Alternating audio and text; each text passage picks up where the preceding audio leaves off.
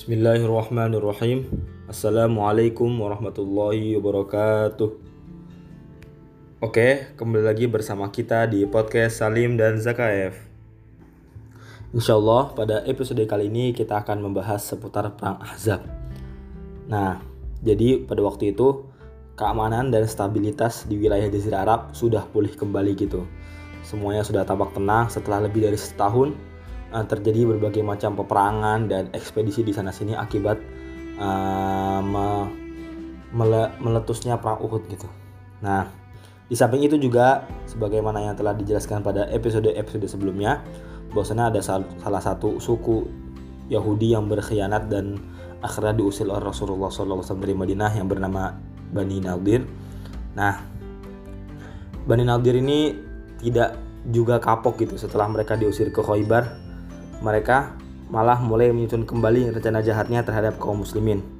Mereka pun mulai melakukan persiapan untuk melancarkan pukulan telaknya terhadap kaum muslimin.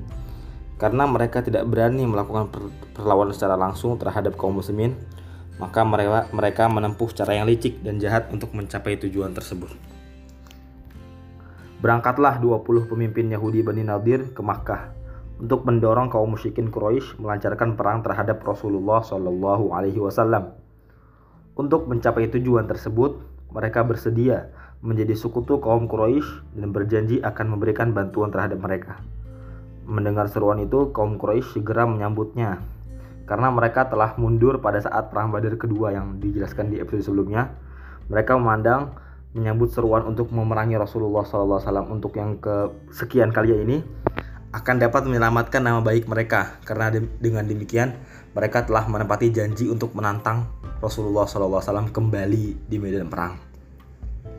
Nah setelah itu para pemimpin Yahudi tersebut juga pergi mendatangi Bani Ghatafan mengajak mereka untuk melakukan apa yang mereka serukan kepada orang Quraisy itu memerangi Rasulullah SAW. Seruan itu disambut baik oleh Bani Ghatafan. Kemudian para utusan Yahudi juga mendatangi kabilah-kabilah Arab dengan menyerukan hal serupa. Di antara mereka ada yang menyambut seruan itu. Demikianlah para pemimpin Yahudi itu berhasil membentuk persekongkolan bersama orang-orang kafir untuk menghancurkan Nabi Muhammad SAW, dakwahnya dan kaum muslimin. Terbukti akhirnya dari arah selatan, dari arah selatan Madinah maksudnya, muncul pasukan yang terdiri dari kaum Quraisy dan Kinanah beserta sekutu-sekutu dari penduduk Tihamah. Mereka dipimpin oleh Abu Sufyan dan mereka berkekuatan 4.000 prajurit.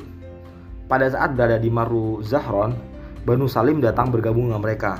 Sedangkan dari arah timur muncul juga pasukan dari kabilah-kabilah Ghatafan, yaitu Bani Fazarah dipimpin oleh Uyainah bin Hasan, Bani Murrah, Bani Asja, Bani Asad, dan lain sebagainya. Semua kelompok tersebut bergerak menuju Madinah pada waktu yang telah mereka sepakati. Setelah beberapa hari, di sekitar Madinah telah berkumpul pasukan musuh yang berjumlah 10.000 prajurit. Jumlah yang sangat besar pada waktu itu Jumlah tersebut mungkin lebih banyak dibandingkan dengan jumlah orang-orang yang ada di Madinah, baik wanita, anak-anak pemuda, dan juga orang dewasa. Seandainya pasukan yang bersekutu itu mendatangi perbatasan Madinah secara mendadak, tentu hal itu merupakan bahaya yang sangat mengancam eksistensi kaum muslimin. Bahkan mungkin saja mereka akan membinasakan kaum muslimin sampai ke akar-akarnya. Namun bukan seperti itu tipe kepemimpinan Rasulullah SAW. Rasulullah SAW adalah pemimpin yang senantiasa waspada dan tidak pernah lalai, senantiasa memantau keadaan dan memperhitungkan segala kemungkinan yang akan terjadi. Sebelum pasukan itu bergerak dari posisinya, pasukan kafir maksudnya, intelijen Madinah telah menyampaikan informasi kepada Rasulullah SAW tentang keberadaan pasukan tersebut. Akhirnya, Rasulullah SAW segera mengadakan musyawarah tinggi untuk membahas strategi pertahanan terhadap eksistensi Madinah ini. Akhirnya setelah berlangsung diskusi antara pemimpin dan anggota musyawarah, mereka bersepakat untuk menyetujui usulan yang diajukan oleh seorang sahabat yang mulia yang bernama Salman Al-Farisi radhiyallahu an. Salman mengusulkan, "Ya Rasulullah, inna kunna bi ardi Faris idza husirna khandaqna alaina." Yang artinya, "Wahai Rasulullah, Dahulu kami adalah orang yang hidup di negeri Persia.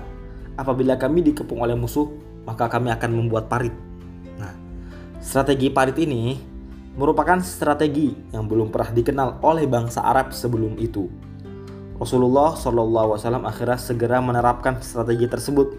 Setiap 10 orang beliau beri tugas untuk menggali parit 40 hasta panjangnya gitu.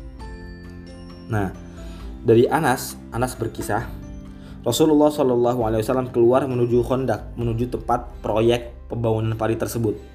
Ternyata kaum muhajirin dan ansor telah melakukan penggalian di pagi hari yang sangat dingin. Mereka tidak mempunyai budak-budak yang bekerja untuk menggali parit tersebut. Era mereka sendiri yang turun gitu. Ketika beliau melihat mereka terasa letih dan lapar, beliau berdoa, Ya Allah, sesungguhnya kehidupan yang abadi itu adalah kehidupan akhirat. Allahumma la aisha illa aisha al-akhirah.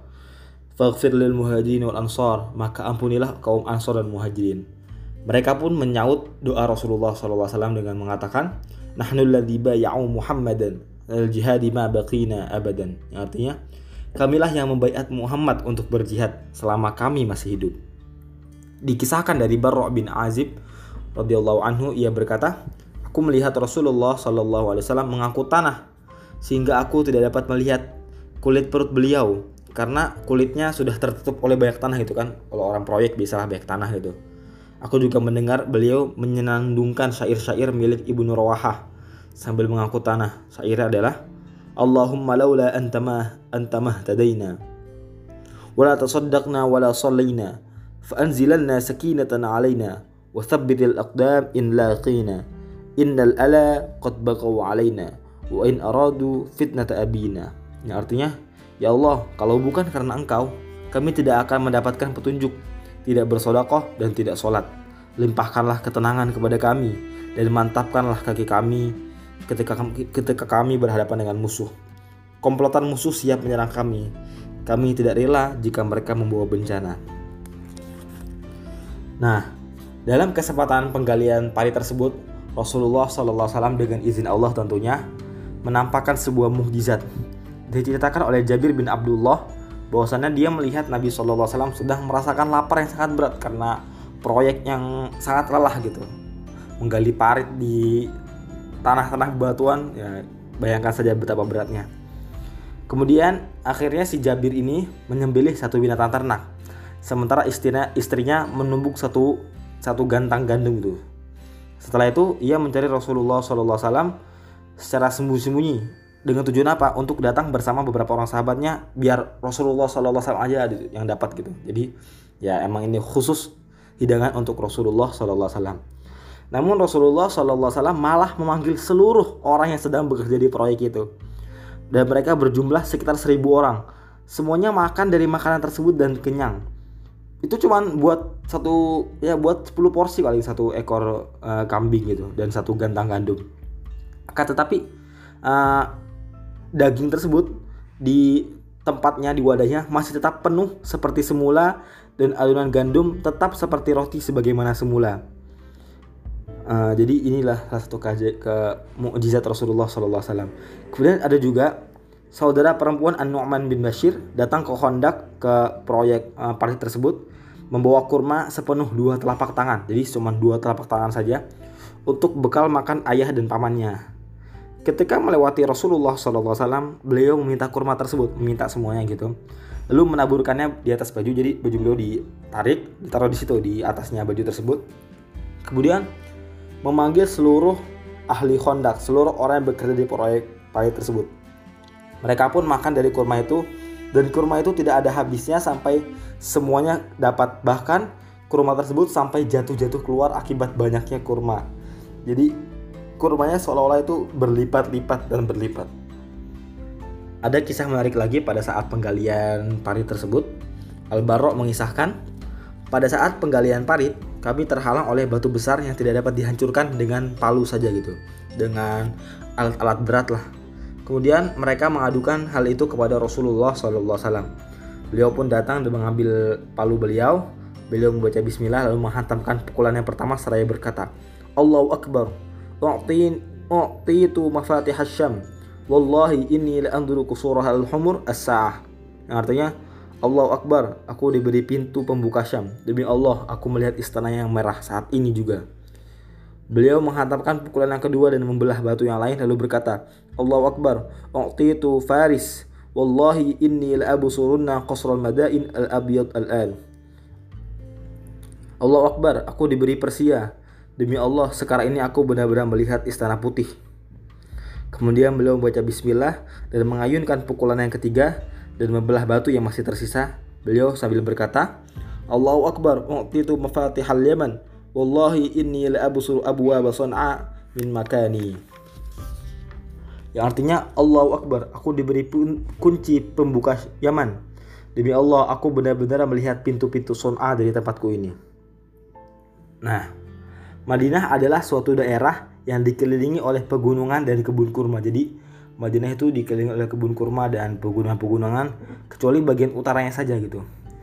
Nah, Nabi Muhammad SAW dalam kapasitasnya sebagai seorang ahli strategi militer mengetahui bahwa pasukan sebesar itu pasti akan menyerang dari arah utara. Karena kan 10 ribu gitu musuhnya jadi banyak banget pasti dari arah utara. Tidak mungkin dari arah lain. Maka beliau menggali parit di bagian utara gitu. Kaum muslimin melanjutkan pekerjaan mereka menggali parit. Mereka menggali parit sepanjang hari dan kembali ke keluarga mereka di sore hari. Penggalian parit itu baru selesai sesuai rencana sebelum pasukan besar kaum Quraisy dan sekutunya tiba di perbatasan Madinah. Oke, mungkin pada episode kali ini cukup sekian. Kurang lebih mohon maaf. Barakallahu fikum. Wassalamualaikum warahmatullahi wabarakatuh. Jangan lupa saksikan episode-episode selanjutnya.